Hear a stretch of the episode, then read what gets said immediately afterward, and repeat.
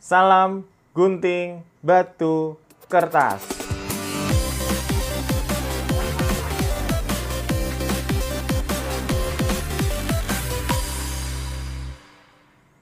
Terputus sebentar. Nah, oke, kita lanjut lagi. Kalau bisa eh, sebisa mungkin ya prototipe awal itu tanpa visual ya karena biar waktu tester itu fokusnya ke mekanik ya ke mekanik permainannya. Jadi kadang kalau kalian anak desain udah pingin aja tuh kan masangin visual tuh ya meskipun misalkan ngambil dari internet atau apa itu atau gambar kalian Iya. sendiri itu ya. Jangan, jangan. Ya fokus ke mekaniknya dahulu. Ya. Nanti mereka orang yang nyoba itu nanti komentarnya ke visualnya bukan ke permainannya gitu ya. Nah, tunggu sampai kapan visual itu masuk ketika mekanik permainan itu sudah solid. Solid itu orang gampang lah itu kalau orang main itu udah nggak sibuk lihat jam ini ini masih lama ya kalau kan kalau main nggak nyaman kan gitu kan. Ini ini masih lama ya? Atau paling nggak body language-nya kan terlihat ya dia sam merasa ini ya uncomfortable gitu ya. Itu jadi sesuai dengan target market kita ya tentu ya. Setelah itu eh, mekaniknya solid ya mereka suka ya kita baru masukin itu ya elemen ya. Kita juga harus tes setiap icon setiap simbol yang ada itu ya. Kita tuh sampai ikut eh, di Facebook itu ada grup yang internasional ya untuk desainer. Ya ada di board game Geek juga itu ya. Jadi kita upload terus kita minta feedback. Contoh hal seperti jadi di fase setelah mekanik selesai fase desain visualnya itu adalah kita fokus ke user experience ya. Jadi bagaimana kita menghadirkan visual yang sesuai dengan target pasar kita ya. Itu sih jadi mau pakai kartun mau pakai realistis itu semua kita menentukannya berdasarkan target market kita itu ya. Kalau anak-anak ya mungkin akan lebih cenderung kartun lebih bagus daripada realistis itu ya. Karena informasi warna itu kan mempengaruhi penangkapan informasi dari target pasar ya. Semakin anak-anak ya harus semakin simple. Ya seperti itulah. Kalian pasti udah diajarin ya itu jadi visual itu kita melalui sampai beberapa kali sampai akhirnya eh, sangat nyaman ya dari sesuai target market feedback ya. Selalu ada kuesioner yang kita bagikan. Terus ya kita udah mulai layout ya. Udah sampai final susun rule booknya ya sampai solid. Terus nah ini tester itu ada dua macam ya.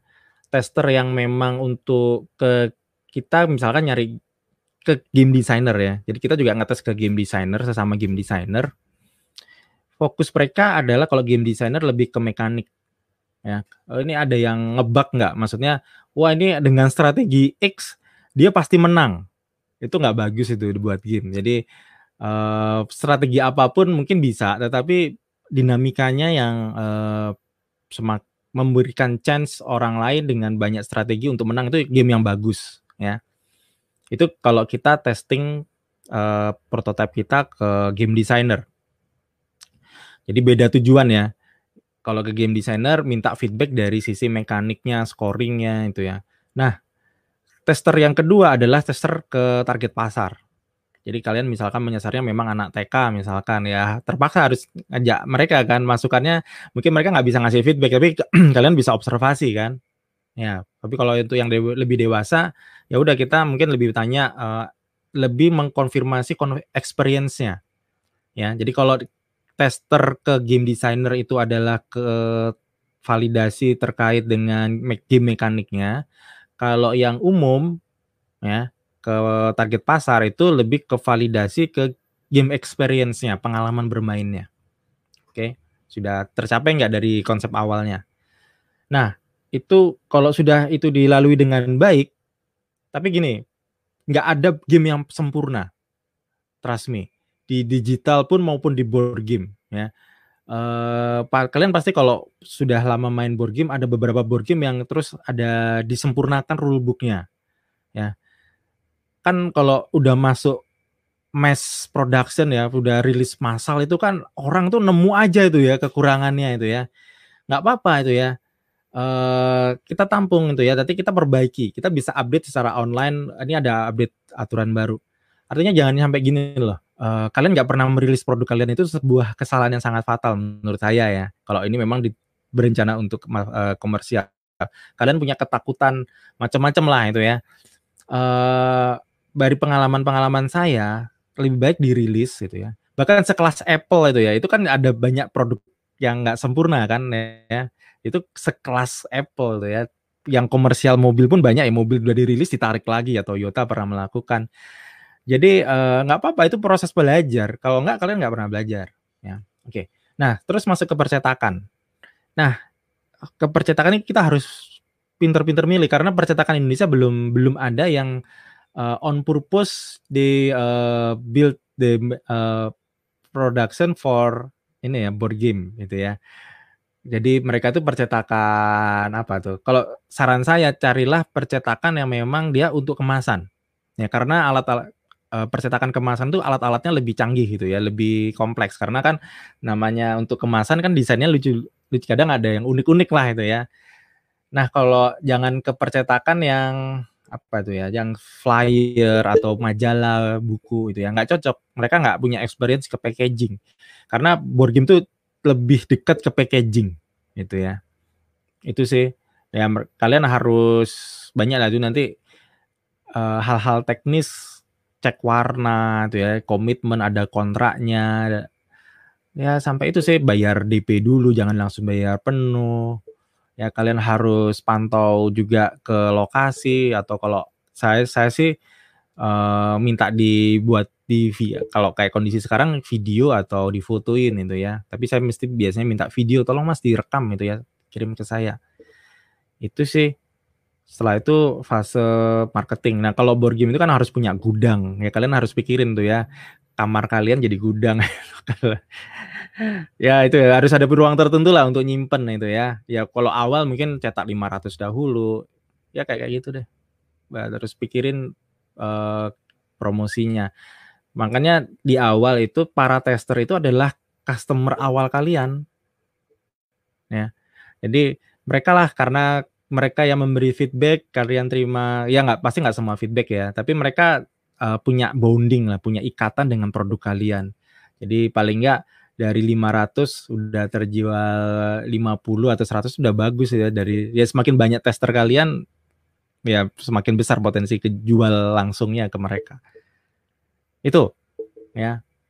Di awal bahkan saya eh, kayak Warung Wars ya. Warung Wars itu belum waktu masih lomba ya. Saya sama teman-teman tuh udah optimis bikin fanpage. Jadi media sosialnya udah digarap di awal karena uh, board game itu produk yang masih baru di Indonesia. Brand awarenessnya, kesadaran orang terhadap board game itu masih PR, apalagi kesadaran sampai ke produk kalian. Nah, gunanya media sosial, YouTube, Instagram, dan lain-lain itu adalah meskipun masih fase praproduksi, orang itu seneng lihat proses. Ya, oh ini tadi kayak gini, jadi istilahnya kalian tuh udah PDKT sama calon customer kalian. Jadi meskipun ini untuk tugas akhir ya kalian udah nih kasih kalian itu uh, ya kayak teman-teman ilustrator lah udah pada nge-spam sketsnya itu kan. Orang terus ngikutin, ngipoin kan. Ya itu lakukan, lakukanlah itu ya. Ya itu cukup kurang detail. Iya, banget. Oke, nggak apa-apa. Ini kalau ada yang kurang kita ngobrol lewat WA boleh. Oke, siapa berikutnya? Ya. Aku mau nanya, tadi udah disinggung sedikit sih, tapi uh, menurut kakak tuh unsur board game apa sih yang bisa ngedorong nilai atau pesan edukasinya? Bisa diulangi lagi gimana? Nah, uh, tadi udah disinggung dikit, tapi menurut kakak uh, unsur hmm. dalam board game apa itu yang kayak bisa kita pakai sebagai kayak bisa kita taruh nilai edukasinya gitu? Oke, okay. terima kasih Devi. Jadi pertama sebenarnya kalau guru orang tua atau siswa ketika melihat board game itu ya, uh, Nah ini, itu ya. Apa sih kan mereka ngeliat visualnya dahulu itu ya. Mereka lihat visual, visualnya menarik nggak sih? Karena judulnya menarik nggak sih itu ya. Jadi penamaan judul itu uh, penting banget. Itu kenapa Warung Wars itu O-nya dua itu kita memang sengaja bikin unik ya sehingga ketik Karena kalau kita pakai W A R U N G itu akan bertempur di Google ya. Ini ini kita udah mikirin sampai ke situ ya, sampai ke search engine optimization segala itu ya. Di pencarian kata kunci kalau kita mau unggul ya kita harus unik gitu ya penamaan judul. Nah, jadi tadi uh, unsur edukasi di dalam judul itu harus keluar itu ya. Kayak gini saya misalkan financial planner itu ya. Langsung, oh ini perencanaan keuangan. Berarti game ini akan ngajarin saya menjadi seorang perencana keuangan. Kalau judulnya misalkan saya uh, uh, dream apa ini? Apa ya? Uh, apa pursuit of dreams misalkan. Eh, orang nggak oh mengejar impian. Belajar apa ya? Kan meskipun itu judul itu bagus loh ya. Bukan jelek ya Pursuit of Dreams ya. Tetapi kalau konten yang sama saya ubah judulnya menjadi financial planner udah jelas itu ya. Nah, itu. Jadi pertama itu dari aspek judul itu teman-teman sudah harus elemen edukasinya apa itu kan.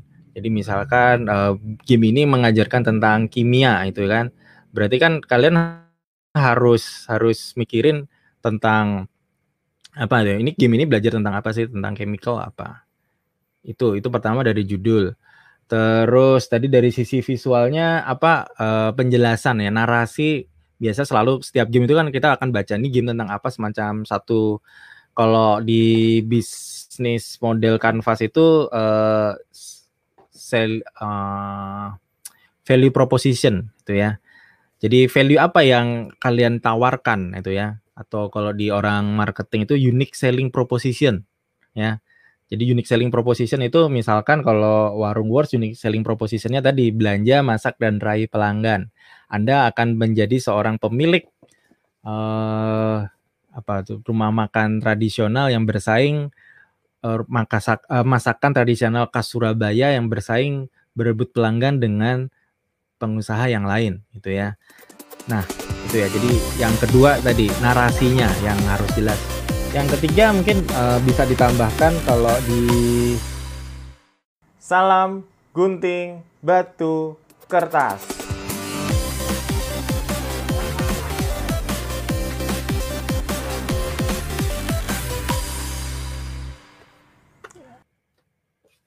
Sebentar, nah ini ya.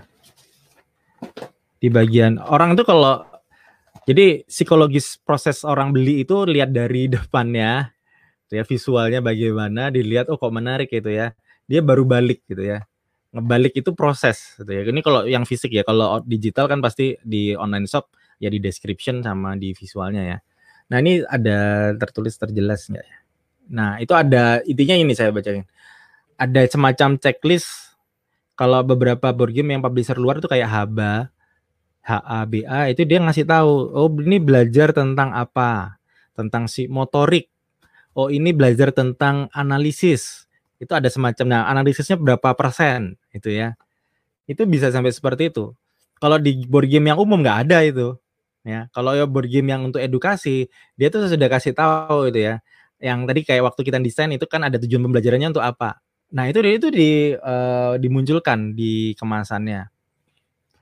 Itu sih yang paling utama ya menurut saya. Selebihnya mungkin kalau untuk unsur penunjang pemasaran ya endorsement atau testimoni dari orang-orang yang terkait di bidang uh, field atau bagian dari edukasi itu. Hmm, jadi okay. pertama kita harus nunjukin kalau itu tuh untuk edukasi ya dari tampilannya sama penjelasannya. Ya, kalau yang memang didesain untuk untuk edukasi ya, yeah. harus harus kelihatan banget untuk usia berapa kelas berapa itu harus ada harus ada oke okay. okay.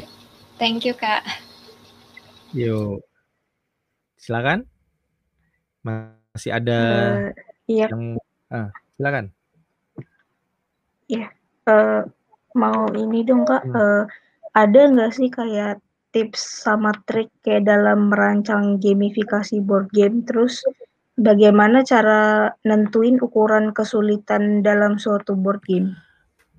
Oke, tips dan trik untuk gamifikasi board game.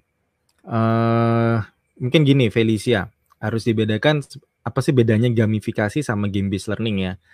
Jadi supaya nggak rancu, gamifikasi itu sebenarnya bagaimana kita menerapkan elemen game dalam satu lingkungan, ya environment, untuk merubah perilaku orang dengan menggunakan elemen game. Jadi misalkan gamifikasi itu diterapkan di sebuah perkantoran, tujuannya untuk meningkatkan produktivitas karyawan, dia menggunakan elemen game, misalkan dengan kinerja karyawan terbaik gitu ya. 5 karyawan atau 10 peringkat karyawan terbaik bulan ini untuk tiap departemen. Misalkan departemen penjualan, salesman terbaiknya siapa. Itu kan unsur leaderboard. Itu gamifikasi gitu ya. Ini saya mau jelasin bedanya gamifikasi sama game based learning. Gamifikasi itu seperti itu. Terus ada badge gitu ya. Jadi karyawan uh, entah itu nanti ada portal semacam media sosialnya untuk karyawan tersebut atau setiap emailnya si karyawan yang berprestasi itu dapat badge gitu ya dapat dapat apa tuh semacam plakat digital lah itu ya. Karena prestasinya yang spesifik gitu yang bisa. Kalau badge kan mungkin sifatnya permanen itu dalam jangka panjang. Dia karyawan terbaik di bidang apa gitu ya di tahun berapa itu badge itu itu itu gamifikasi. Jadi membangun perilaku positif kalau berikutnya game based learning. Kalau game based learning lebih cenderung ke ini ya. Apa? Uh, kita menggunakan game untuk mencapai target skill atau soft skill yang bisa dicapai dari game itu. Ya. Jadi kalau gamifikasi itu bangun satu environment ya. Dan itu nanti saling melengkapi ya sebenarnya gamifikasi dan game learning. Kalau game learning itu gimana kita mengimprove keahlian atau skill atau pengetahuan dari penggunanya. Ya bisa dibedain ya. Nah, sehingga mungkin tadi kalau Felicia sampaikan sebenarnya mungkin lebih cocok game based learning atau uh, board game untuk edukasi tips dan triknya seperti apa itu ya. Kalau mendesainnya karena kalian mungkin belum saya nggak tahu ya mungkin kalau Felicia juga ngasih les atau pembelajaran buat ini mungkin ada yang SD atau apa mungkin bisa merasakan ya. Itu uh, intinya gini, perlu satu experience. Kalau misalkan nggak punya pengalaman sebagai guru les atau apa ya untuk edukasi ya atau sebagai guru atau sebagai dosen atau asisten, uh, lebih baik kalian banyak berkomunikasi dengan pelakunya, ya dengan dosennya, dengan uh, siswanya, ya untuk mengetahui sebenarnya problem apa. Jadi di fase awal tuh kayak tadi ya pra desain itu lebih banyak dengerin. Ya, dengerin masalahnya apa itu ya, bagaimana. Jadi kalian itu harus kuat empatinya itu ya. Jadi harus berempati dulu. Game buat saya uh, semua produk saya ya, termasuk sebagai seorang game designer itu harus punya empati yang baik gitu ya. Apalagi kan DKV ya desain komunikasi visual itu kan dituntut desainer itu uh, empatinya kuat gitu ya untuk mengetahui apa sih sebenarnya yang diinginkan si at, at, klien atau konsumen atau bagaimana desain kalian bisa digunakan dengan maksimal. Jadi itu uh, interaksi atau pengalaman kalian karena itu yang nanti akan mendrive semuanya ya ke hal-hal yang lain. Jadi buat saya tips yang paling utama itu tadi Terus yang kedua tadi apa tuh Felis? Lupa aku. Ada dua ya tadi ya. Yang kedua tadi ya eh, bagaimana cara bagaimana cara menentukan ukuran kesulitan Oke, dalam suatu kesulitan. board game. Ya, itu tadi ya tingkat kesulitan itu ditentukan dari tujuan pembelajaran yang ingin dicapai. Kalau ini edukasi ya, kalau edukasi ya. Jadi misalkan kalau untuk anak kelas 5 SD misalkan berarti kan tingkat kesulitannya kita bisa tahu ya kalau anak kelas 5 SD gampang tuh ya dari dari contoh LKS atau soal yang diberikan di buku pelajaran tersebut itu kan kita bisa ngukur ya tingkat kesulitannya dan itu bisa menjadi acuan kita dalam merancang game. Berarti uh, game ini bisa sampai ke level apa itu ya? Dia memainkan bisa mengetahui sampai sejauh mana itu. Terus untuk lebih detailnya bisa dirasakan ya harus dites gitu ya, harus dicoba dengan dengan target pasarnya. Jadi itu pun berlaku untuk yang game untuk board game yang untuk umum ya, untuk yang hiburan. Jadi tingkat kesulitan intinya gini. Itu yang pertama, yang kedua, semakin banyak game mekaniknya ya. game mekanik itu ada udah sekarang itu terupdate diupdate terus ya oleh Board Game Geek itu mungkin sudah lebih dari 20, lebih dari 30 mungkin. Intinya tuh semakin banyak game mekaniknya, semakin banyak informasi dan semakin banyak keputusan yang kalian masukkan dalam game, artinya game Anda itu semakin sulit. Nah, jadi kalau game untuk anak-anak, ya misalkan kalau mungkin pernah tahu Ticket to Ride atau kalau Warung Wars itu dia cuman mekaniknya tiga itu, cuman tiga mekanik, nggak lebih dari itu. Karena kalau lebih dari itu tingkat kesulitannya, durasi waktunya jadi lebih panjang. Ya, jadi jadi dari dua hal itu ya, dari tingkat kesulitan kontennya, ya. Kedua adalah dari jumlah mekaniknya. Itu akan sangat mempengaruhi tingkat kesulitan. Ya, jadi eh, saran saya ya ini juga buat kalian ya. Mungkin ini adalah game kalian yang pertama dan ini game pertama kalian untuk tugas akhir saran saya uh, bikin game yang sederhana tapi punya impact besar gitu ya. Supaya kalian itu nanti punya experience. Jadi lakukan hal-hal kecil dulu supaya untuk bisa membuat hal-hal yang besar gitu ya. Idealisme harus punya ya. Tetapi idealisme itu jangan di deliver di awal ya. Kalian bisa stres sendiri testernya juga stres sendiri gitu ya. Itu. Itu Felicia. Makasih Kak. Hmm. Oke. Oke, aku mau nanya Kak, Nah. eh, gimana sih caranya membuat user itu tertarik buat main board game kita? Ya. Kayak merasa, oh pengen nih main board game ini. Oke oke. Eh, ada banyak faktor. Setiap orang punya eh, daya tarik gitu ya, ketertarikan terhadap satu produk ya. Secara umum bisa dari sisi visual ya. Itu yang under control kalian ya, visualnya dibuat semenarik mungkin sesuai dengan target pasar kalian ya. Kalau memang ini untuk keluarga ya desain kayak Warung Wars kan desainnya untuk keluarga ya. Jadi dia pakai gambar yang kartun itu ya, gambar yang lebih appealing lah itu ya, yang uh, nggak mungkin lah desainnya beda dengan yang mungkin segmentasi remaja itu ya. Itu pertama dari sisi visual, terus dari sisi judul ya tadi udah saya sampaikan judulnya uh, yang semakin awam, semakin umum ya semakin bagus lah itu ya.